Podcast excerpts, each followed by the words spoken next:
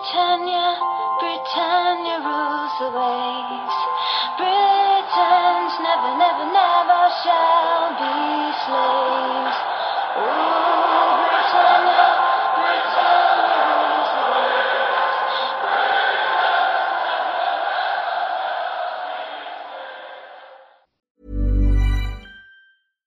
Sandra, and I'm just the professional your small business was looking for. But you didn't hire me because you didn't use LinkedIn jobs. LinkedIn has professionals you can't find anywhere else, including those who aren't actively looking for a new job but might be open to the perfect role, like me. In a given month, over 70% of LinkedIn users don't visit other leading job sites. So if you're not looking on LinkedIn, you'll miss out on great candidates like Sandra. Start hiring professionals like a professional. Post your free job on linkedin.com/people today.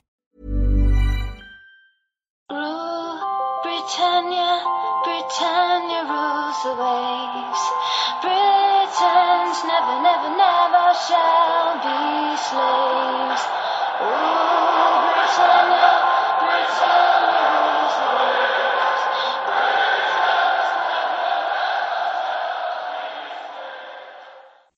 Hej och välkomna till avsnitt 59 utav Svenska FPL-podden.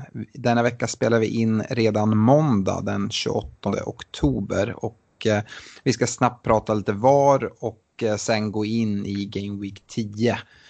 Sen så kikar vi in i poddligan där vi ser toppen göra riktigt fina omgångar och eh, poddlaget inte riktigt lika bra. Vi kikar in veckans rekommendationer och avslutar med lyssnafrågor. Jag eh, kom ju med tips förra veckan från vår spelpartner Coolbet och det var ju det fina oddset på en rak tvåa på Leicester mot Southampton. Det gav 2,4 i odds. Jag hoppas det var flera som hakade på. Man kanske skulle kasta in ett minus 8 eh, handikappspel på, på Leicester. Det hade gett ännu mer pengar men det var lite svårt att, att förutse.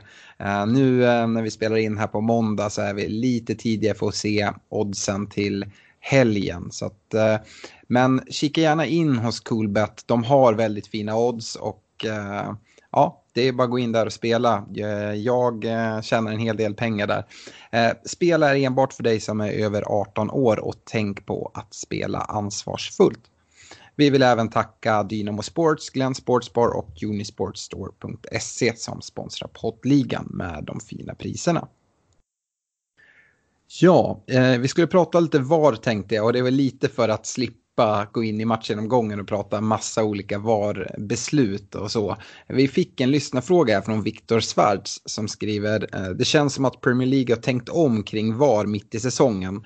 Förra omgången, alltså nu Game Week 10, såg vi flera beslut ändras som VAR i liknande situationer tidigare inte har ändrat på. Så undrar Viktor om vi tror på fler straffar framöver. Och Eh, alltså vi måste ju prata eh, VAR, dels för att slippa dra upp det i eh, matchgenomgången, eh, men även också att eh, det kommer påverka fantasy. Jag tycker att eh, det är direkt uppenbart att FA har sagt åt domarna att låta VAR gå in och ändra fler beslut än tidigare. Exempelvis när jag kollade United så första straffen som VAR går in och tar där, det måste vara ett direkt skämt. Eh, samma med Arsenals sena bortdömda 3-2 mål. Eh, och det här kommer ju påverka eh, fantasy. Eller vad, vad, säger du Stefan? Visst måste FA ha gått in och haft något hemligt möte med domarna? Ja, absolut det är det så. Och eh, som de använder VAR för tillfället så blir det ju väldigt eh, svårt för domaren att veta. Han får inte se några bilder. Så att om VAR-domaren säger att Nej, det, här, det här är straff eller det här ska vara bortdömt och de har pratat om att VAR ska få gå in och påverka, då blir det ju konstiga domslut som en följd skulle jag säga. Samtidigt så ser vi ju som i fredagsmatchen där när det blir 9-0 till, till Leicester så är det ju en tidig utvisning på Bertrand i Southampton som, som VAR går in och tar. Och, ja, det kan väl vara rött kort men den är ganska hård och tidigare så har de pratat om clear and obvious och eh, det verkar ju som att clear and obvious har fått en helt ny innebörd tycker jag. Ja, absolut. Det det går väl att diskutera den situationen. Jag, den träffar ju illa, men jag tycker inte att Bertrand sätter någon vidare kraft i, i situationen. Eh, Jag har sett värre tacklingar som eh, har blivit gult kort eller inte ens blivit varning på. Eh, Så nej, det, blir, det är konstiga domslut. Men jag vet, eh, jag har läst också att eh, om det var inom en månad så ska Premier League-klubbarna eh, träffas och ha ett möte om hur, hur de tycker att VAR ska användas och att eh, rösta, eventuellt rösta igenom att eh, domarna ska få eh, gå ut och kika på, på monitorn och det tycker jag måste ske eh, som förändring för att eh, annars kommer vi sitta och summera allt för många inkorrekta domslut eh, eller tveksamma domslut helt enkelt eh, eh när säsongen är slut tror jag. Ja, eh, Viktors avslutande fråga här då. Tror vi på fler straffar framöver? Ja, det tror jag absolut. Sen tror jag att eh, nu kanske vi är i det läget där eh, det kommer bli eh, flest VAR-beslut här då, då de har varit in och varit missnöjda med hur det har fungerat de första 8-9 veckorna. Så därför kommer vi nog se lite extra mycket in, påverkan utav VAR. Sen kommer det väl säkert bli, hitta någon form av mellanväg där. Eh, men jag hoppas ju som sagt för, för VARs skull att de kommer göra som i alla andra ligor som gör att domaren får gå ut och kika på, på monitorn och se repriserna själv. Mm, ja, samtidigt som jag tycker att det är några konstiga beslut som kommer nu så tycker jag ändå att det är bra att de gör någonting. För så som VAR har fungerat hittills har det varit direkt konstigt att eh, domarna har släppt igenom saker och VAR har inte velat gå in och ändra direkt felaktiga beslut. Så att, att någonting görs så att de utvärderar det tycker jag ändå eh, är en någonting positivt i grunden. Sen så behöver de verkligen fintrimma det här. Det är i alla fall min uppfattning kring det. Ja, absolut. Det är ett steg i rätt riktning för att eh, tidigare var det bara ett skämt eh, när liksom, det kunde vara hur klara saker som helst om det inte ändrades eh, för.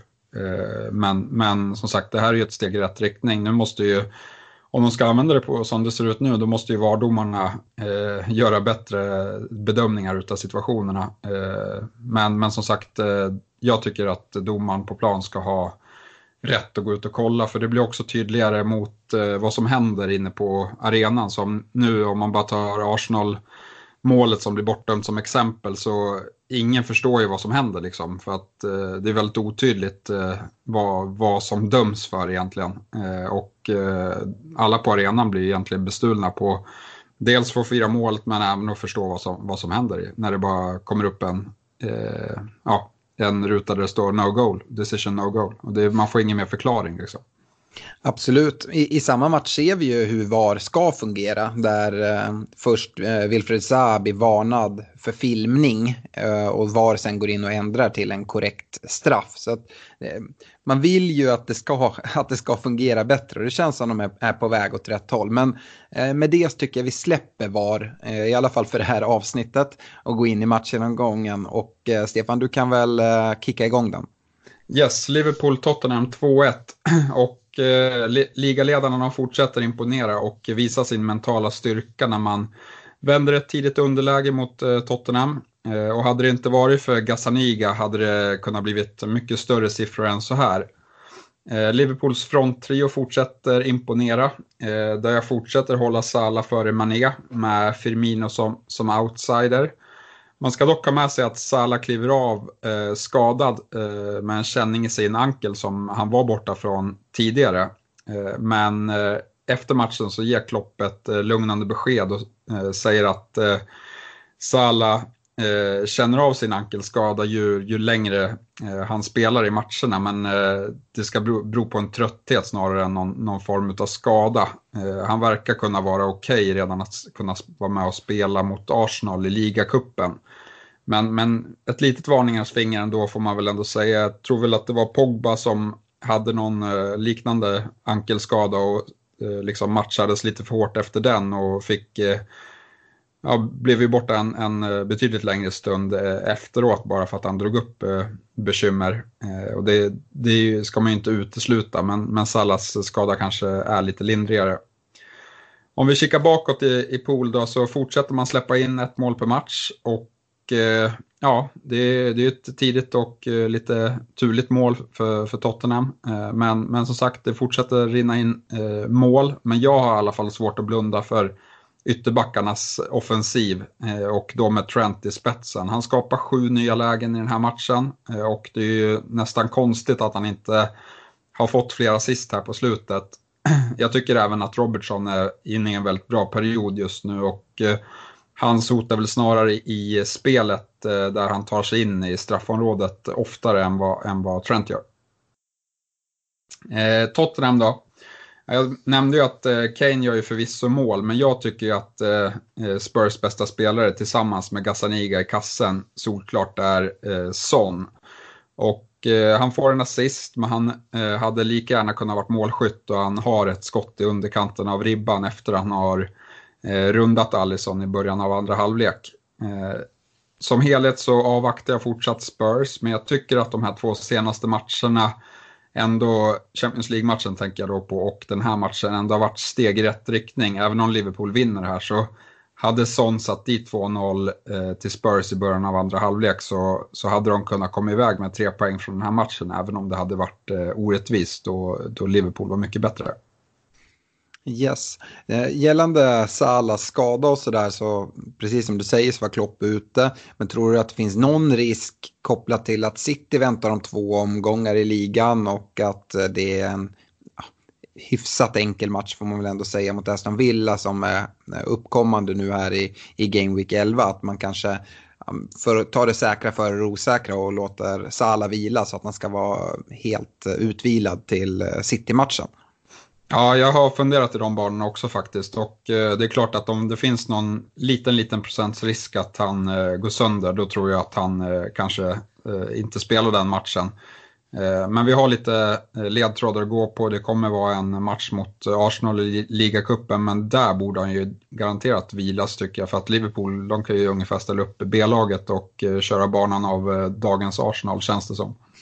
Ja, härligt med lite Arsenal-optimist här i podden också.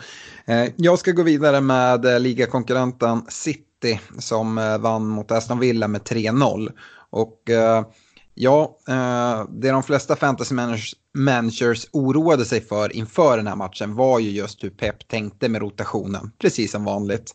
Eh, det var Agüero, Mares och Otamendi av de mer populära City-spelarna som fick nöja sig med bänkplatser denna gång. Mest frustration, frustration väckte nog bänkningen av Agüero som annars vanligtvis brukar starta de flesta matcher hemma på Etihad. Vi kunde dock ana detta då Agüero fick 90 minuter i veckans Champions League. Eh, men det fick till exempel även Sterling som startade denna match. Eh, så det är väldigt svårt med det här. Och som vi konstaterat så många gånger innan så finns det ingen som kan förutspå Peps tankar kring rotationen. Och man kan aldrig vara helt säker. Vilket framförallt gör det svårt att våga placera kaptensbinden på City-spelarna. Detta är helt enkelt något man måste ta med i sin riskbedömning vid kaptensval tycker jag.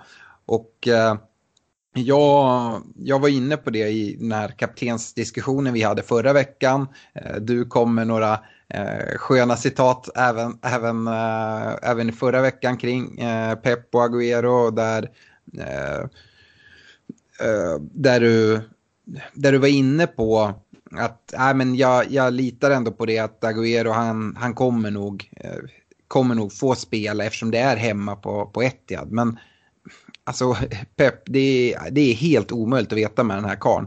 Ehm, men om vi för stunden släpper denna diskussion kring rotation och eh, Pep Roulette eh, och istället kollar på vilka City-spelare som, som lockar mest framöver så så tycker jag, trots rotationsrisk, att eh, många spelare erbjuder väldigt bra värde.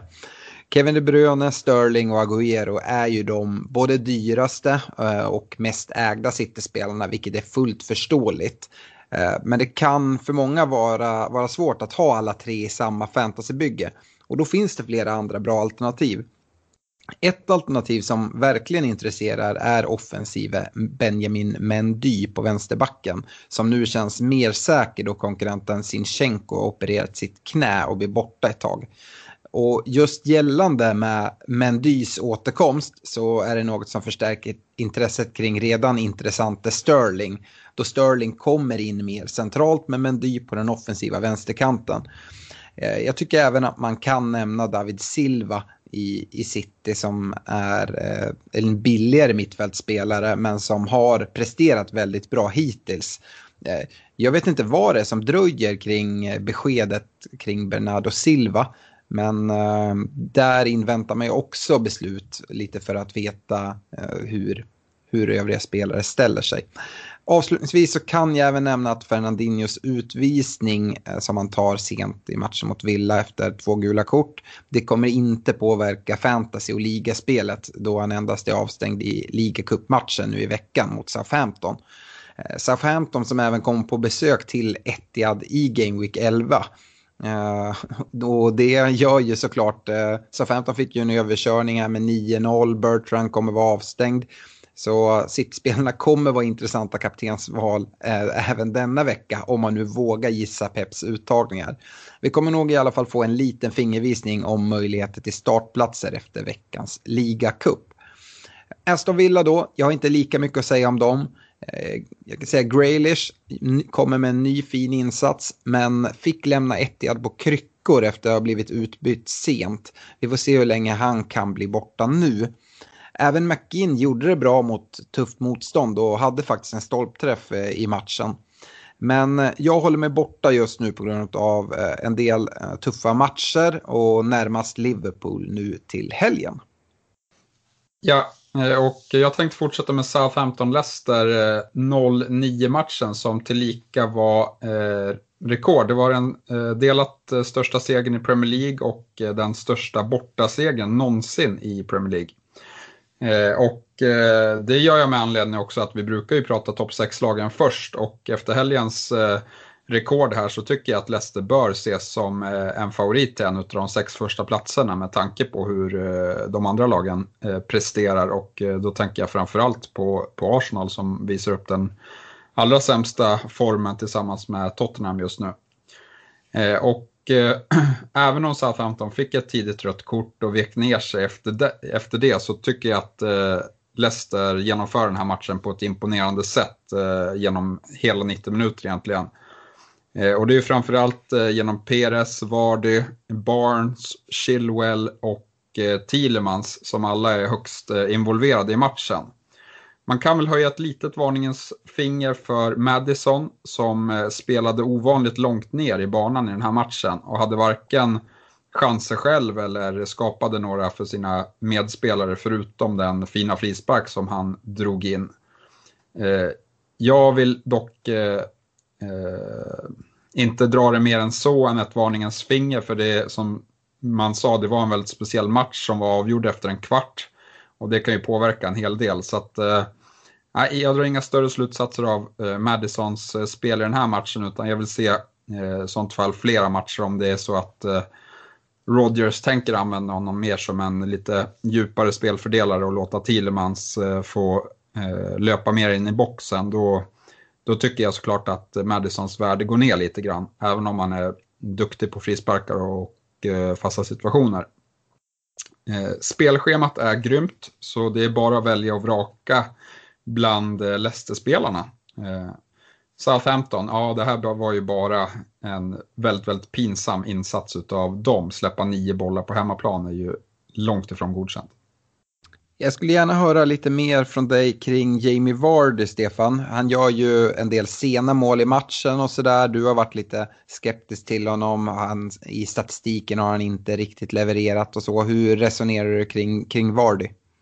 Nej, men det här är ju såklart en speciell match, men det bevisar ju eh, hur viktigt det är att ha spelare som är, eh, vad ska man säga, som eh, man bygger lag kring. Och var är ju en sån anfallare i Leicester som hela tiden spelar 90 minuter och eh, ja, gör ju sina poäng. Eh, och han gör han, jag tror att han gör 5-0 målet, 7-0 målet och så 9-0 målet på, på stopptid. Eh, men alla, alla mål är ju lika, lika mycket eh, värda i, i fantasy så att eh, nej, han, han är ju såklart där när det blir en sån här seger och gör mycket poäng.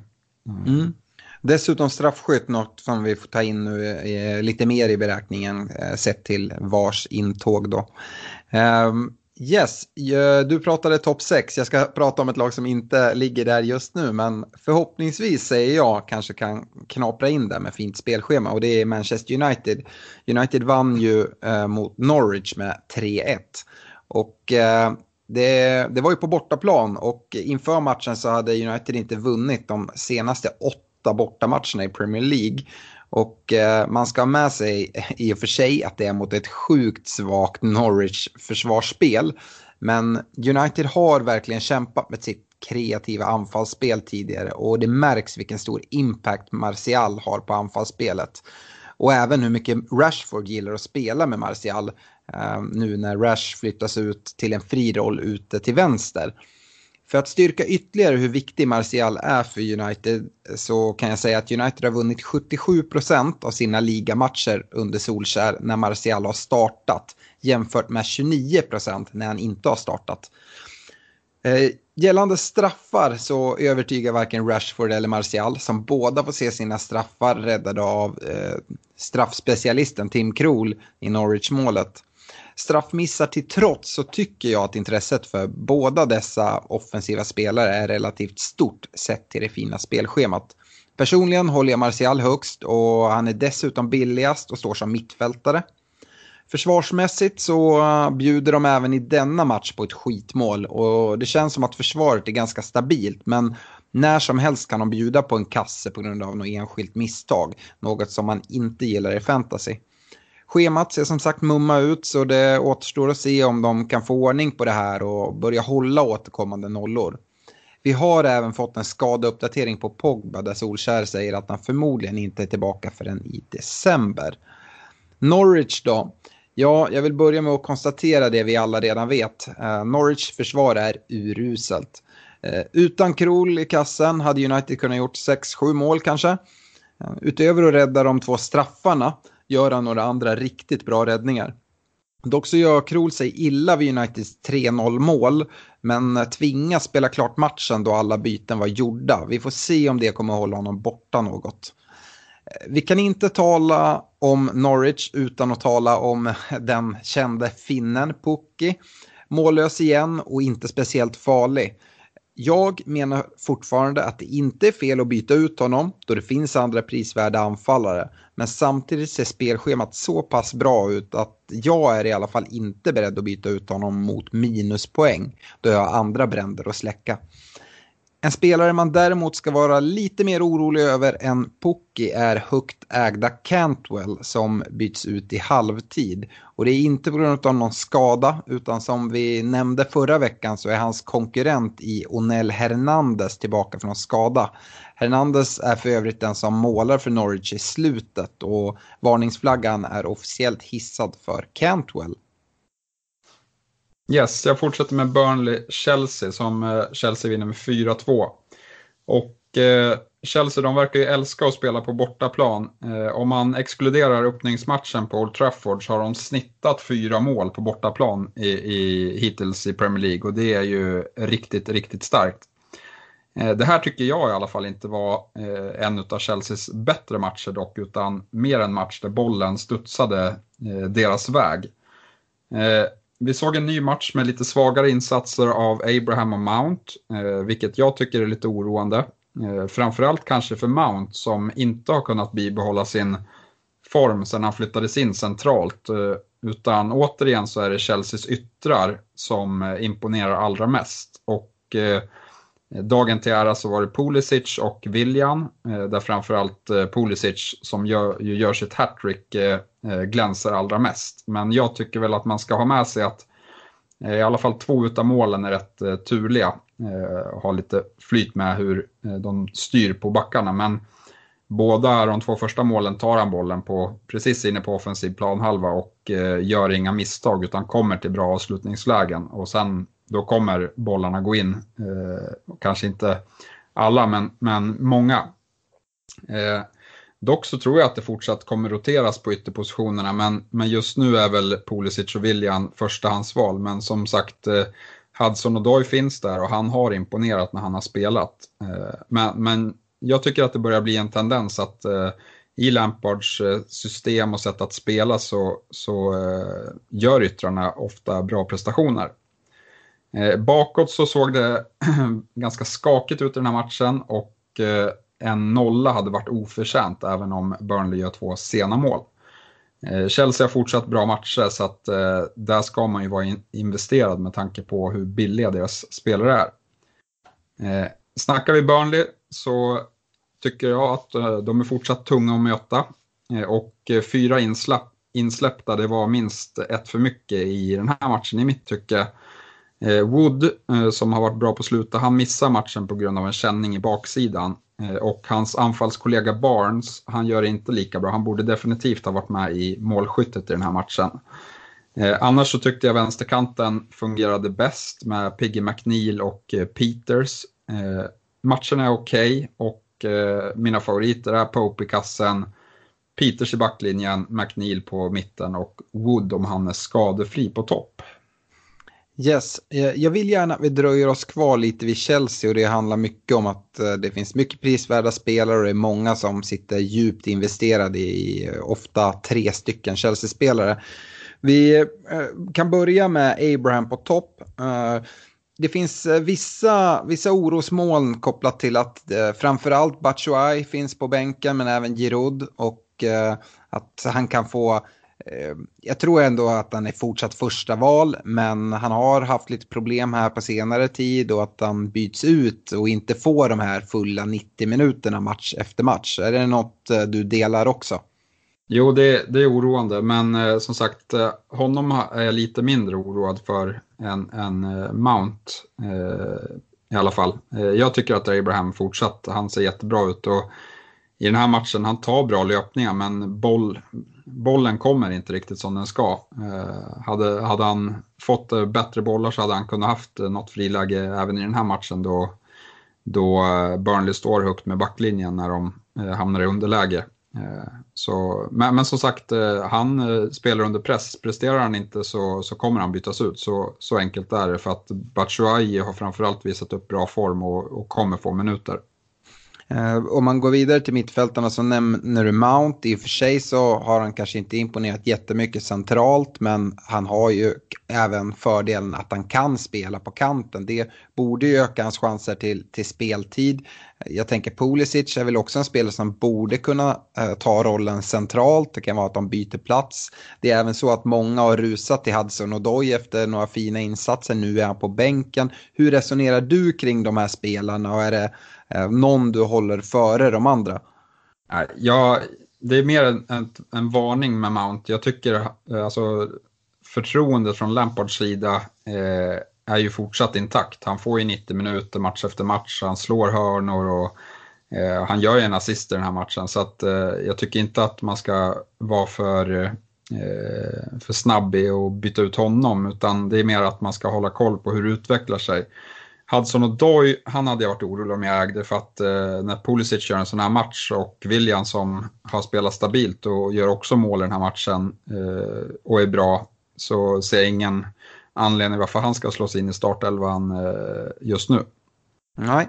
Nej, intressant att höra lite mer där eftersom att det är många som, som sitter med mycket Chelsea-spelare.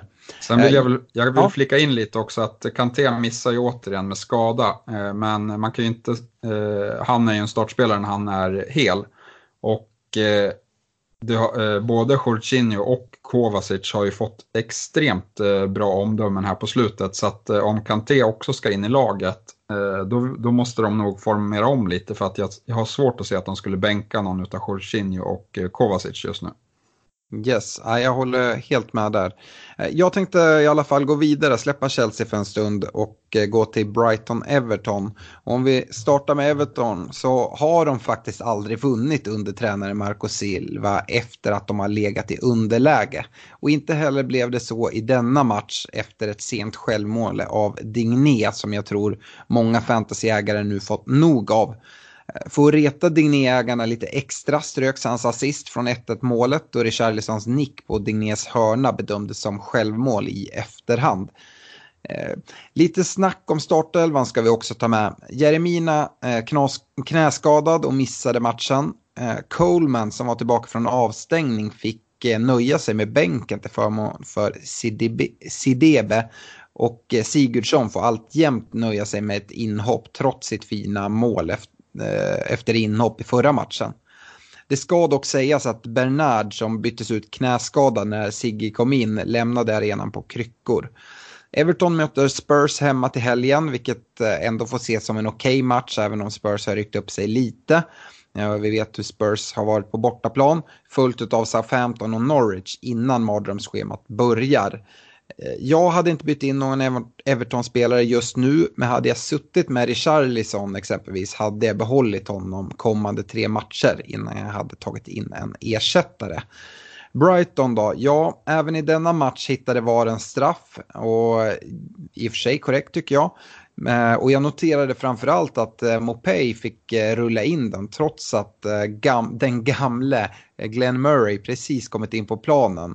Murray har ju tidigare sett som straffskytt nummer ett i Brighton men kanske inte numera eller så är det för att han precis har kommit in på plan. Brighton har visat sig vara ett betydligt bättre hemma än bortalag och och eh, nu i Game Week 11 väntar Norwich hemma på Amex Stadium men sen är det roliga slut. De fyra följande matcherna väntar United, Liverpool, Arsenal på bortaplan samt formstarka Leicester hemma. Och det schemat gillar i alla fall inte jag. Yes, eh, då har vi kommit fram till Arsenal Crystal Palace 2-2. Och ja, jag vet inte riktigt vart man ska börja. Eh, det var som jag sa till dig Alex, att eh, det är skönt att de inte sänder Arsenal så ofta längre, för då räcker det med att man får se lite highlights och sen är man lika besviken ändå. Eh, men jag kan sammanfatta det så här, en ny plattmatch. Eh, man kastar bort en 2-0-ledning igen eh, på hemmaplan.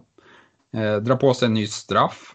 Eh, den så kallade lagkaptenen skriker fuck off till sina egna fans eh, när han blir utbytt. Och eh, VAR spelar oss ett spratt i slutet. Eh, och allt det här borde ju vara en cocktail för att hålla sig långt, långt borta från, eh, från Arsenal. Men eh, matcherna är ju eh, fortsatt lockande. Eh, och därför måste man väl ändå säga någonting eh, om framförallt deras forwards i Aubameyang och Lacazette.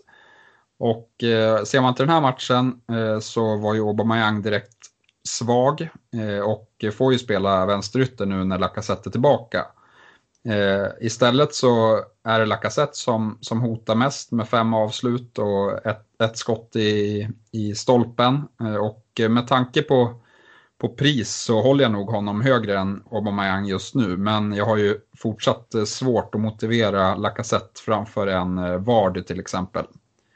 Eh, det sagt om Arsenal. Eh, Palace, eh, de gör det bra. De har tuffa matcher. Eh, man utnyttjar Eh, Eh, Arsenals brister på ett eh, bra och kalkylerat sätt här. Eh, men eh, förutom billiga Ayoub på topp så är inte jag speciellt intresserad av några av deras spelare och det är för att jag tycker de har lite för dåligt spelschema just eh, kommande omgångar i alla fall. Yes, du Stefan, kan vi dröja oss kvar lite vid Arsenal? Jag ber om ursäkt, jag vet att du inte vill prata Arsenal så mycket. Men eh, Pepe Eh, han står för flera fina hörnor här i matchen. Båda de korrekta målen enligt, enligt domarteamet kommer ju via hörnor och faktiskt riktigt bra leverans in på dem. Är det, vart står han i status just nu? Nej, men eh, han har väl fortsatt eh, lite kvar till, eh, till det man hoppas att han ska kunna leverera. Men eh, han har visats upp att eh, han i alla fall kommer ta mycket fasta då han Eh, gjorde två frisparksmål i Europa League eh, och eh, nu slog mycket bra hörnor som ja, egentligen alla våra tre mål som vi gör, ett blir bortdömt men mm. kommer ju på hörnor. Så att han kan nog få någon assist därigenom. Sen hoppas man ju såklart att, att han ska sätta dit några kassar själv och det saknas, har ju inte saknats lägen. Han har Kanske inte jättemånga i den här matchen, men eh, till exempel senast mot Sheffield så hade han ju ett eh, läge som han definitivt eh, ska sätta dit. Så det är väl den här sista 10 procenten som, som saknas för honom och blir lite mer självklar framför, framför kassan. Ja, för mig är han fortfarande tyvärr lite felprisad. Jag tycker han är lite för dyr. Men uh, jag tycker ändå att det finns vissa tendenser som, som är, är positiva där. Uh, Watford-Bournemouth 0-0 och eh, Bournemouth, ja, från noll hållna nollor till två raka för dem. Eh, kan försvarsspelet fortsätta fungera så erbjuder Rico bra värde och eh, han fortsätter även att ta en del hörnor trots att Fraser har gjort återintåg i laget. Tyvärr för Bournemouths del har de även misslyckats med att göra mål i de tre senaste ligamatcherna jag har ändå fortsatt förtroende för både King och framförallt Wilson trots detta och tror nog att offensiva poäng kommer att komma. Men jag tror även att de två raka nollorna kanske inte är något vi ska räkna med framöver heller. Då är jag inte jätteimponerad av Bournemouths försvarsspel utan det kanske är framförallt eh, några vassa målvaktsräddningar som gör att nollan kvarstår i den här matchen exempelvis. Watford då, ja de är fortsatt segerlösa eh, efter tio omgångar även om de tagit fall framåt sedan tränarbytet. Jag håller mig borta. Men eh, om man håller en pistol mot, mot mitt huvud och tvingar mig att nämna någon från detta lag så skulle det väl vara Jan Matt i försvaret som spelar wingback och, och gör det faktiskt bra. Yes, eh, Newcastle Wolverhampton då. Eh, slutar 1-1 och jag tänkte börja med Wolverhampton. Eh, det tar ungefär en halvlek innan eh, de tar sig in i den här matchen och eh, det kan mycket väl bero på Europaspelet som de eh, hade i torsdags. Eh, men om man summerar eh, matchen över 90 minuter så är det ändå de som är närmast segern. En intressant sak är att de ändrar tillbaka till sitt 3-4-3-spel som de inledde förra säsongen med. Och precis som då så är det en viss Doherty som imponerar eh, mer i det systemet än vad han gör i 3-5-2 eh, systemet som de har spelat. Eh, han kanske borde ha varit målskytt i den här matchen eh, då han bränner ett fint läge på slutet. Men eh, fortsätter han ta sig till så här mycket lägen så är det såklart att hans eh, status i fantasy ökar. Eh, dock så tycker jag väl att Wolves form eh, har en del eh, att önska. Eh, I övrigt så var Jota tillbaka från skada och är rätt pigg. Eh, Jiménez däremot gjorde en lite sämre insats, eh, men är ju fortsatt den Wolves kommer bygga sitt offensiva spel kring. Eh, bra kommande matcher har de, så vi får se vad det här leder till. Newcastle då? Ja, jag vet inte. Ja, jag är inte intresserad i Newcastle-spelare och jag tycker de är för dåliga helt enkelt. Yes, jag instämmer där. Eh, West Ham Sheffield United är en match som slutar 1-1 och eh, West Ham, ja, som väntat var Jarmolenko, Jarmolenko tillbaka i startelvan och eh, fixade nya poäng med en assist i den här matchen. Nu är det ju nyss nämnda Newcastle som väntar hemma i Game Week 11 så det är ju härligt. Men därefter gillar inte jag deras schema på ett gäng omgångar. Lägg där till att de har en blank Game Week i Game Week 18 så eh, jag tycker det är dags att överge eventuella West Ham-spelare. Ytterbacken Fredrik som det har varit lite fantasy-snack kring var i den här matchen petad av eh, den gamla fossilen Sabaleta.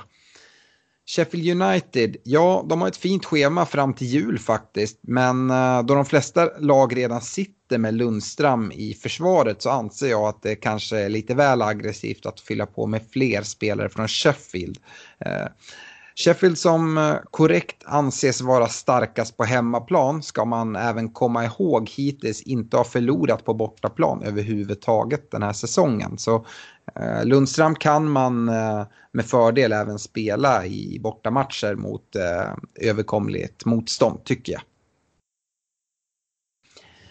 Det var matchgenomgången och eh, vi kikar in i poddligan och precis som jag sa när vi gick igenom agendan så har vi imponerande scorer. Eh, på första plats hittar vi Joel Rogö som har legat där uppe ett tag nu. Han tar 95 poäng den här veckan och totalt 661 pinnar. Gör ett litet miniryck i ligan. Eh, tvåa hittar vi Kim Sköld som också varit med där uppe väldigt länge. Gör är också en bra insats med 84 poäng och ligger på totalt 650 poäng. Eh, Trea, ja det är också ett känt namn, Respect Woodinho. Han har dock en mer en, eh, vanlig omgång med 65 poäng och eh, totalt 638. Men det börjar bli lite distans där uppe i, i toppen eh, tycker jag. Eh, kollar vi till poddlaget så fick, eh, fick vi ju ett eh, självmål på Digné och en borttagen assist och lite sådär så att eh, olyckan grinar oss lite i ansiktet. Eh, 44 poäng fick vi nöja oss med och eh, ja, nu börjar det bli en bit upp till toppen Stefan. 496 poäng, vi har inte gått över 500 än. Nej, det är riktigt tråkigt. Eh, vi blir ju extremt straffade som sitter utan Leicesters offensiva pjäser här och sätter dessutom fel backar på plan.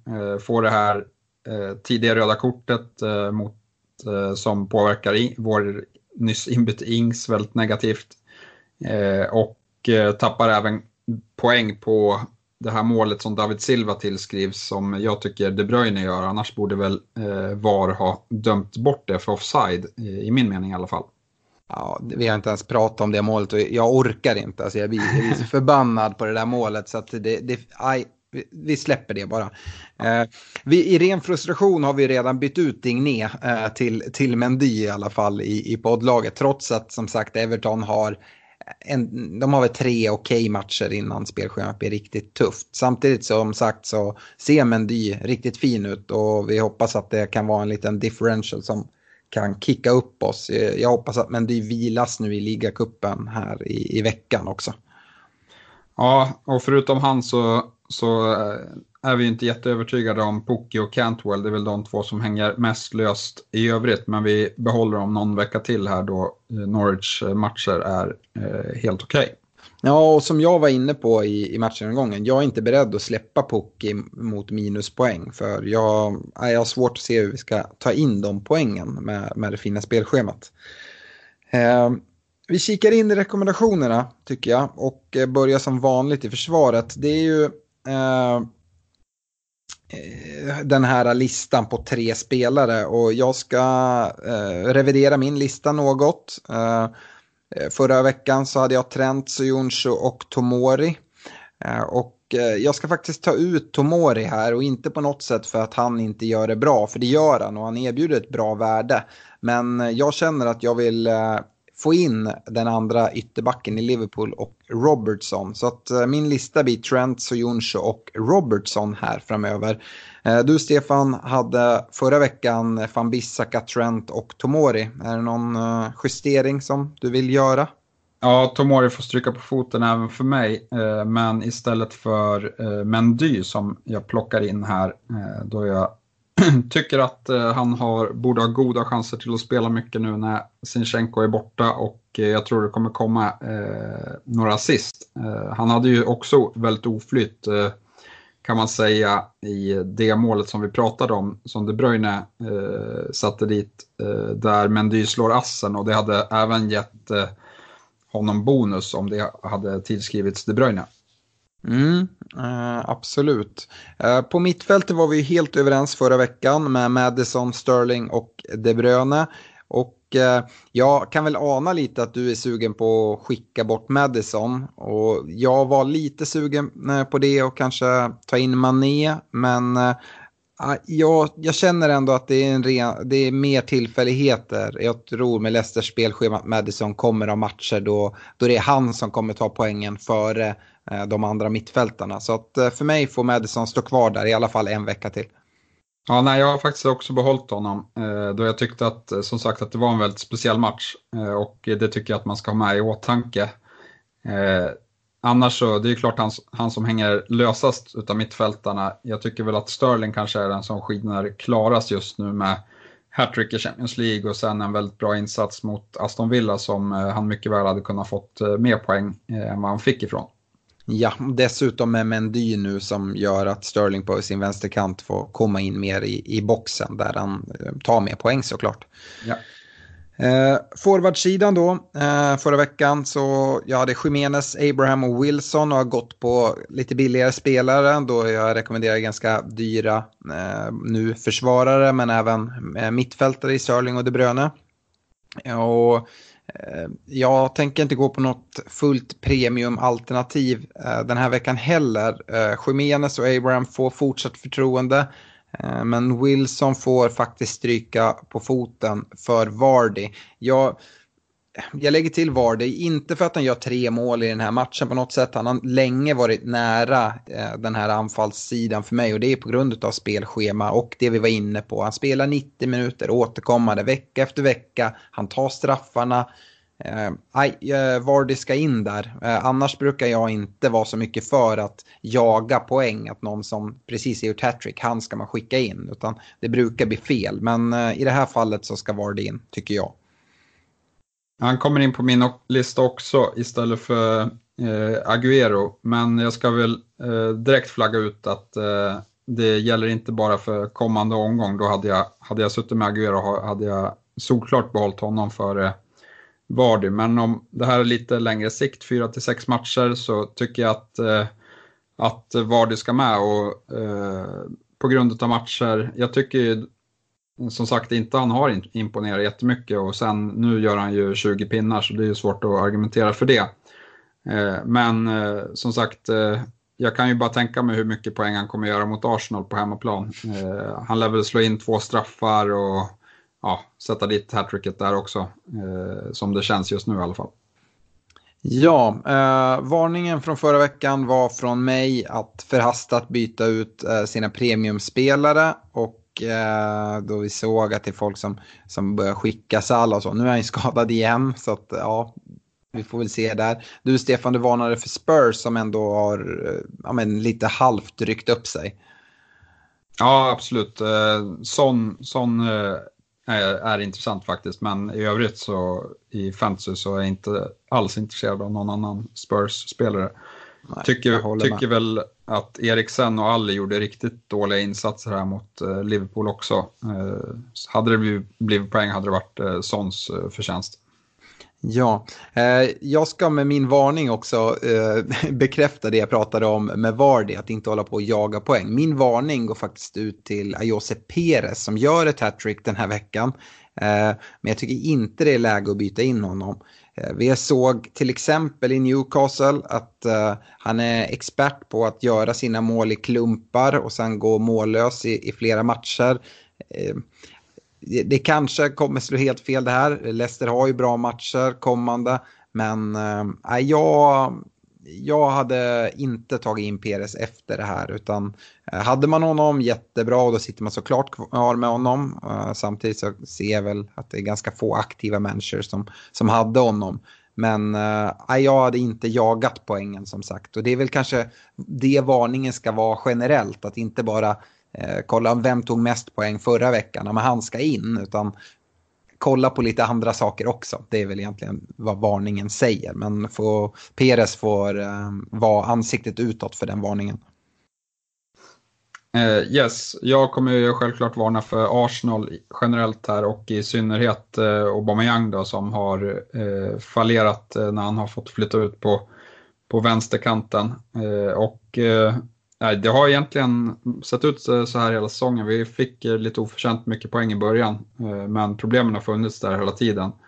Och eh, likt Tottenham som också har problem så ser vi liksom inte hur Emery med sitt ledarskap ska kunna vända på det här. Eh, Pochettino har ju eh, visat sig betydligt, eh, en betydligt bättre tränare och inte ens han verkar, liksom, det är svårt att vända en sån här trend när det, när det går så pass dåligt som det gör. Så att eh, jag tror att det här kommer pågå en, en längre stund faktiskt. Det är skönt ändå när ni har problem med ledarskapet, det här att ni har en kapten att luta er mot i Xhaka. Mm. Riktigt fint, som dessutom är framröstad. Det är inga liksom... Ja, det, det säger ju en del om Emerys ledarskap till att börja med. Uh, yes, uh, gällande kapten så kaptensvalet förra veckan så var vi båda ganska överens om att det, det var i City man skulle hitta den. Vi spelade ju in mitt under pågående Champions League-match och Eh, jag sa ju det ganska tydligt och du var ju också inne på det att man får se lite vilka spelare det är som byts ut. Eh, men jag trodde ju aldrig att Agüero skulle få 90 minuter och då sa jag, nej jag tror om Agüero byts ut då är han den bästa kaptenen. Däremot så fick han 90 och då tycker jag absolut inte man kan sätta binden där. Jag satte den på Kevin De Bruyne eh, och och eh, ja, det föll väl okej okay ut. Du var ju också inne på samma sak samtidigt som att du tyckte att det var guldläge för Agüero och inte alls var orolig för, för rotation. Jag ställde till och med frågan eh, till dig om det. Ehm, nu borde han väl få spela på ett. Han kan väl inte bli bänkad två hemmamatcher i rad va? Nej, men man vet aldrig. Nej, men eh, något man ska nämna i, i den diskussionen är väl att Jesus har imponerat väldigt eh, mycket när han har spelat. Nu blev han, fick han inga poäng eh, Eh, från Aston Villa, men eh, han, han eh, kommer fortsatt till lägen. Han hade någon chip i ribban och eh, något läge som han borde satt dit. så hans form kanske också har påverkat en del här på slutet. Mm. Den här veckan är ju ungefär samma som förra tycker jag. Jag tycker nog att det är City man ska hitta sin kapten. Och vi, det är svårt så här eh, en måndag, att, då det är en ligacupmatch i veckan, att, att säga vem det är man ska sätta binden på. Men eh, ja, jag skulle ändå, ändå vilja stå fast vid, vid just Agüero och att eh, binden ska, ska hamna där. Ja, är det är omöjligt så här innan man spelar ligacupen. Eh, där får man ju kika vilka som vilas och sen tar man den som vilas eh, som kapten utav De Bruyne, Sterling och Agüero. Eh, om Sterling vilas så med hans form så hade jag varit väldigt sugen på att sätta kaptensbindeln på honom faktiskt. Absolut, det förstår jag.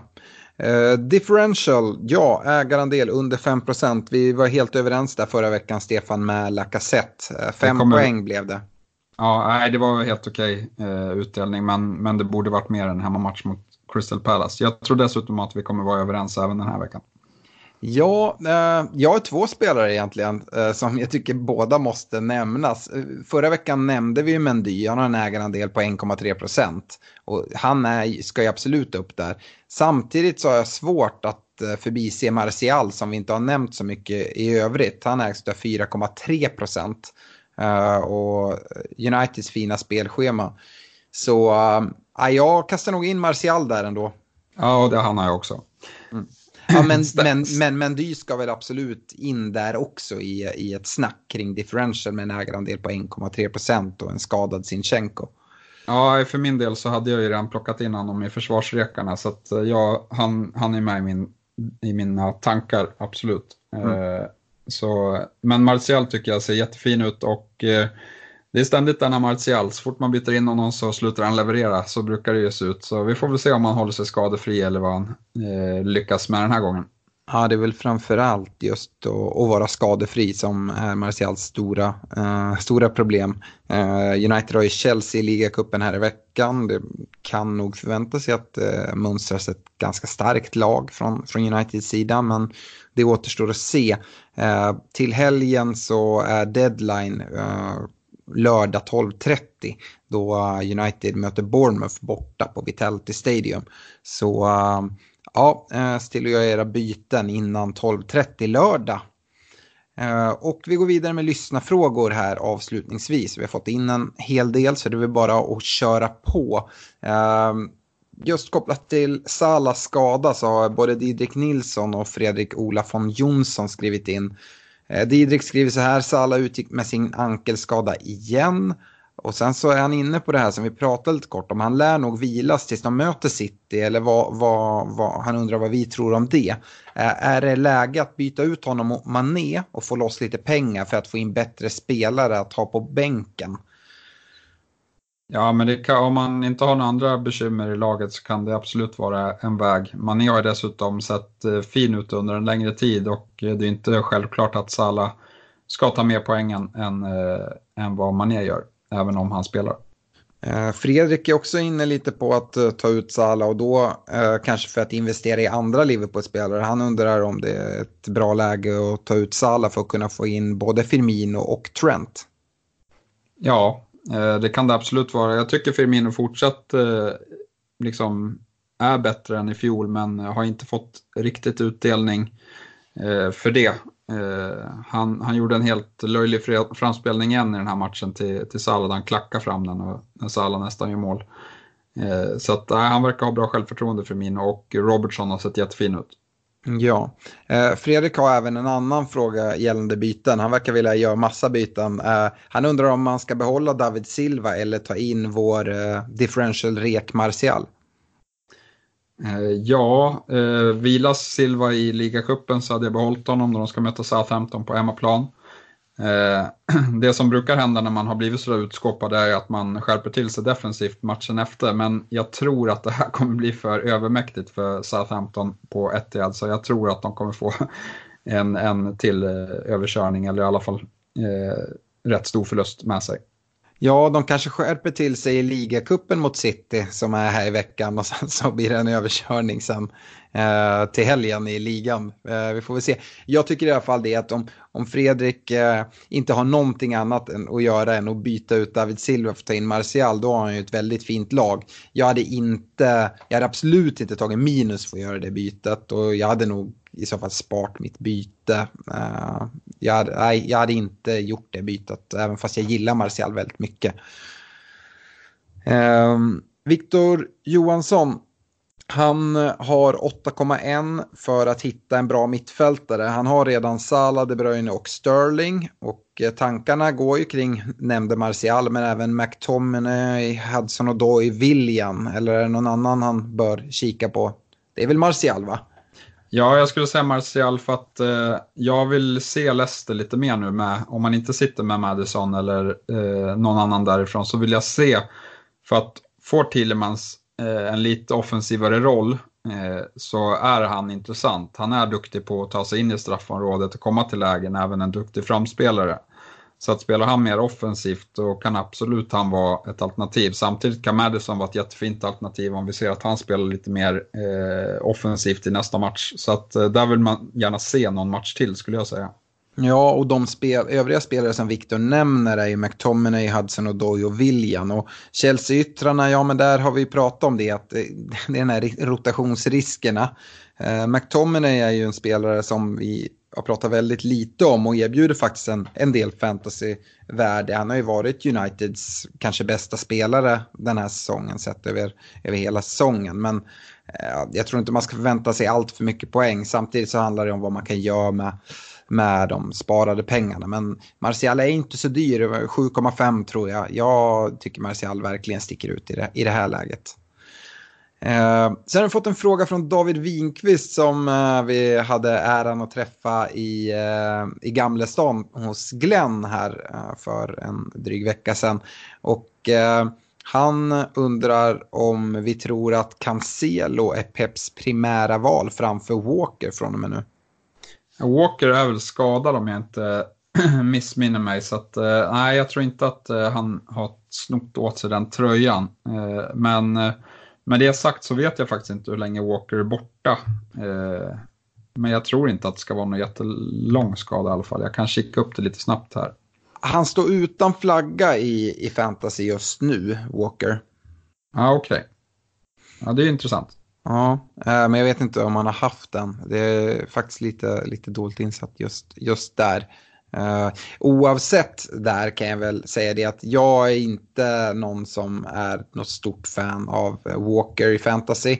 Heller inte om Cancelo tar den platsen så är jag inte eh, superlockad av Cancelo för jag tror att eh, han kostar ändå 5,3, inte superbillig. Det är samma pris som Stones. Då tar jag hellre Stones i, i det försvaret. Och jag tror att han är, är säkrare på sin position. Och sen så har vi som sagt Mendy på 5,9. Eh, om man nu ska gå på försvarare i City. Så att eh, för mig är det ganska ointressant eh, diskussionen kring Cancelo eller Walker. Eh, men eh, ja. Eh, André Wideheim Ekelund, han eh, konstaterar då att Fredericks var bänkad i helgen eh, och undrar om man vågar chansa på honom igen eller om man ska byta och i så fall vilken 4,5 back vi hade satsat på. Ja, nej, eh, West Hams försvar har vi ju snackat ner några poddar nu då sen Fabianski skadade sig och det är väl fortsatt varningsfinger där plus ett väldigt eh, dåligt spelschema efter Newcastle-matchen. Så att det, ett byte är nog absolut befogat. Mm. 4,5 tycker jag är en väldigt svår eh, prisbild. Eh, då många av de intressanta 4,5 backarna har stigit lite i värde och ligger precis över. Sojonsho 4,7 nu tror jag. Eh, och, och sådär. Eh, jag nämnde ju Janmat i, i Watford. Det är ju Eh, Eh, och verkligen gå lite vilt. Men han är prisad 4,3. Eh, spelar ändå en wingback-roll och Watford verkar ha i alla fall fått lite bättre ordning på sitt försvar sen, sen tränarbytet. Annars har vi eh, Lauton i, eh, i eh, Burnley som eh, ändå tycker jag erbjuder värde för 4,5. Men som sagt, det är, det är ganska svårt att, att hitta spelare till till, till det priset. Det är samma med eh, Tomori var ju prisad där ett tag men har ju stuckit iväg. Yes, jag håller med. Har man inte Lundström så kan man ju eh, kika på O'Connell eh, till exempel i, i Sheffield-försvaret som eh, är rätt eh, vass på fasta situationer. Mm, absolut. Uh, Filip mm. eller uh, André skriver även så här, är Martial ett måste att ha i nuläget? Ett måste är väl att dra det ganska långt va? Ja, nej, ett måste han inte, men han är en väldigt fin differential. Yes. Uh, Filip Hellgren, uh, hur nödvändig är Vardy med det otroliga spelschemat han har framför sig? Uh, bör han kasta Kane eller Abraham för honom? Ja, Kane i sånt fall skulle jag göra mig av med. Ja, och det är väl och, ganska, ganska vettigt byte och spara ja, lite pengar också. Ja, det känns som ett extremt bra byte. Mm. Eh, Jocke, kaptenen, ska man ta minus fyra för att byta ut Abraham och Wilson mot Jimenez och Vardy? Eh, inte helt eh, dumt heller. Abraham eh, kan ju dock eh, göra det väldigt bra fortsatt. Och, eh, om, men om han behöver de pengarna för att få ihop det bytet så jag hade försökt få ihop det någon annanstans, behållit Abraham och kanske tagit in Vardy. Eh, Jimenez, de har bra matcher men som sagt de är påverkade av Europaspel. De, och det märktes mot eh, Newcastle där, där liksom de, de kommer inte upp eh, i prestation förrän i andra halvlek. Så att, eh, trots att de har fina matcher Wolves så är det inte självskrivet att Jimenez kommer ösa in poäng skulle jag säga. Och jag som är jättetråkig manager, jag hade inte tagit minus fyra som du vet Stefan. Utan om jag nu hade velat göra det här bytet då hade jag bytt ut en spelare och tagit in den billigare om jag inte har råd att ta in Vardy direkt. Alltså ta in Jimenez och sen så veckan efter i så fall ta in Vardy. Jag hade inte stressat det så. Det är svårt att räkna, räkna ihop de, de eh, minuspoängen i, i många lägen. Det krävs ganska mycket leverans eh, på en game week. Eh, Sebastian Torstensson, han undrar om det är läge att ta in Jorginho istället för Cantwell och, och undrar samtidigt om det finns något bättre alternativ än Jorginho i samma prisklass. Uh, ja, men Jorginho kan absolut vara ett av de alternativen. Sen har vi nämnt McTominay som ligger i samma prisklass där. Uh, Guendouzi uh, tycker jag väl ska vara med. Uh, men Men han kan i och för sig åka på en, eh, en eh, avstängning i efterhand, eh, skulle jag tro. Men, men som sagt, där, Jorginho, han, han har varit bra på slutet. Han kan säkert få några assist och kan säkert slå någon straff va? Absolut. Jag skulle dock inte byta in Jorginho just nu. Och det är anledningen, jag, jag sitter med Jorginho i mitt lag som en, en möjliggörare. Och eh, därför känner jag till att han står på fyra varningar just nu. Så en varning till och sen så har vi en match avstängning. Så jag hade inte tagit in honom eh, i, i detta nu, då förmodligen kommer vara avstängt eh, ganska snart. Eh, Sebastian undrar också om det är dags att skeppa åtta Mendy. Ja, men han verkar inte vara så prioriterad i City längre. Har du någon bra spelare att ta in istället för Otamendi? Ett rakt byte till Stones skulle man kunna göra. Har man råd med Mendy så hade jag föredragit honom. Mm. Och eh, avslutningsvis från Facebook så undrar Robin Åslund om man bör överge Sebastian Haller. Ja, efter eh, de har mött Newcastle så kan, det, så kan det absolut finnas ett starkt case för det faktiskt. För då ser matcherna eh, betydligt svårare ut och Haller har ju inte eh, imponerat på slutet. Nej, Eh, absolut, och för de pengarna kan man ju göra något, något mer intressant. Eh, hade vi några frågor från Twitter också innan vi slår igen kiosken? Jag tror vi har besvarat eh, några. Tobias Karlsson är också inne på om Martial är ett måste. Det har vi besvarat. Eh, Jesper FPL undrar, vad tror ni om Willems i Newcastle som en differential? Eh, Newcastle-spelare, ja vad tror vi? Nej, jag, jag är ju inget, inget fan. Uh, jag ser inte, visst differential, men jag ser heller inte att det är han som kommer göra att jag kommer öka liksom, i antal placeringar. Då gillar jag mer differential i, i en Mendy till exempel som jag ser väldigt mycket poäng i. Uh, men alltså kollar man så, Newcastles spelschema ser ju inte alls så tokig, tokigt ut. Men, men jag har liksom inga, inget förtroende för dem. Så att eh, jag hade inte tagit in honom i alla fall. Nej, och han kan mycket väl tappa sin plats när Richie är tillbaka som jag tror kan säkert vara tillbaka efter nästa landslagsuppehåll. Absolut. Eh, Olle Hultqvist undrar, vem ersätter vi Madison med nu när han verkar blivit sittande mittfältare? Förutom ja. fin frispark var han ju inte ens nära poäng i en 9-0-slakt. Nej, vi, vi har ju varit inne på det att uh, han är ju med på båda våra uh, mittfältsrekar på den listan. Men med en viss... Uh, han är ändå hänger lite mot, mot repet. Uh, jag hade inte bytt ut honom utan jag hade avvaktat just nu. Men om man kollar här om man ser fortsatta tendenser på att eh, Madison inte, att han faller långt ner i banan. Jag har tidigare varit inne på att jag tycker snarare att det är Thielemann som är längre ner i banan. Det var han inte i den här matchen. Skulle det vara så att de har bytt position nu i form av något nå spel, eh, ändring i, i spelet i stort, ja men då är ju ett byte till Thielemans ganska fint eh, med, med matcherna. Annars så har du ju Ma, eh, Martial i ungefär samma prisklass och, som man kan få in där och, och det, ja, det tycker jag ju är, är riktigt fint. Så Eh, jag hade inte gjort någonting nu, men jag hade hållit ögonen på det redan nu till, till helgen och se om vi fortsatt ser Madison mycket längre ner i banan och ser då om Thielemans är, är eh, mer framskjuten. Ja, men då kanske man ska börja agera. Men eh, efter en match, jag tycker att det går lite för fort i så fall. Så att jag, jag håller kvar vid Madison. Yes. FPL, FPL, Anna skickar in. Är var det ett måste eller är det för sent att hoppa på tåget? Det är absolut inte för sent och han är absolut inget måste. Eh, så kan man ju snabbt svara på frågorna. Jag tycker var det är ett väldigt bra alternativ. Men eh, nej, nog måste är han inte. Utan har man, eh, har man täckning i, i Leicester ändå i, i ja, med Madison eller Thielemans, så, så är det inget måste ha Vardy. Samtidigt som att han är en fin spelare. Eh, men för sent tycker jag inte. Så mycket har inte stigit. Tyvärr 9,2. Eh, jag tycker att eh, han, jag är hellre Vardy än Aubameyang just nu till exempel. Aubameyang är en dyrare spelare. Samma Kane är dyrare. Så att nej, Vardy har inte prisat ut sig för mig i alla fall. Yes, sen sista frågan från Thomas Källqvist, lite svårare, men han funderar på att byta ut Trent. Han säger att han vet om den grymma statistiken. Eh, men eh, är det okej okay att sälja honom för att få in Firmino och Madison eh, i sitt lag? Och då tror jag att han är beredd att offra Vardy faktiskt för Firmino. Kan du repetera, vad, vad är det för, för byten då han tänkte? Han, han funderar på att ta ut Trent för att få in Madison och Firmino.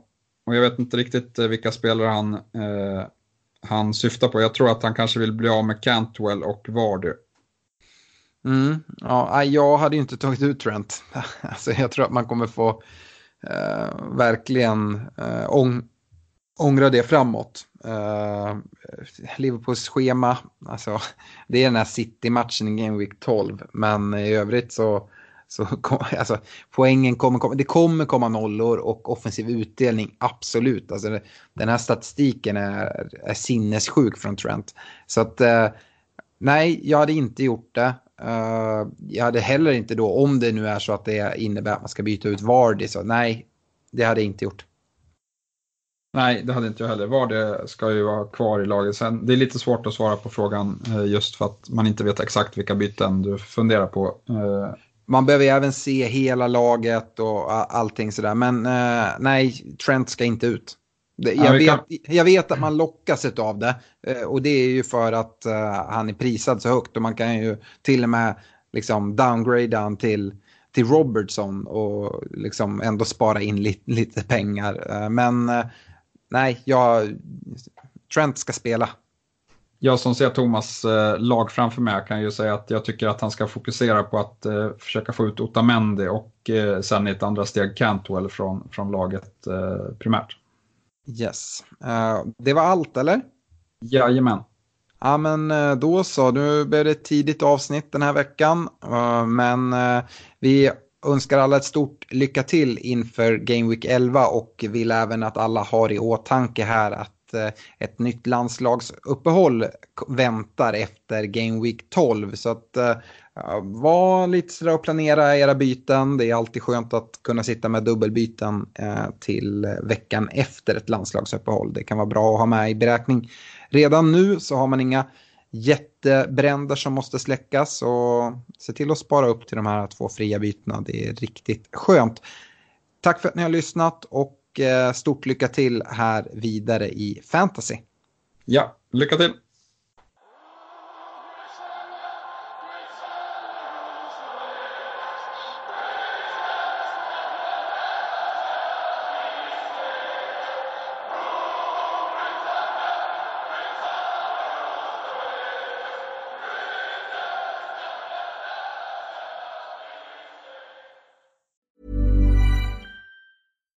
Deserves the best, and there's no better place to shop for Mother's Day than Whole Foods Market. They're your destination for unbeatable savings, from premium gifts to show-stopping flowers and irresistible desserts. Start by saving 33% with Prime on all body care and candles. Then get a 15-stem bunch of tulips for just $9.99 each with Prime. Round out Mom's menu with festive rosé, irresistible berry chantilly cake, and more special treats. Come celebrate Mother's Day at Whole Foods Market.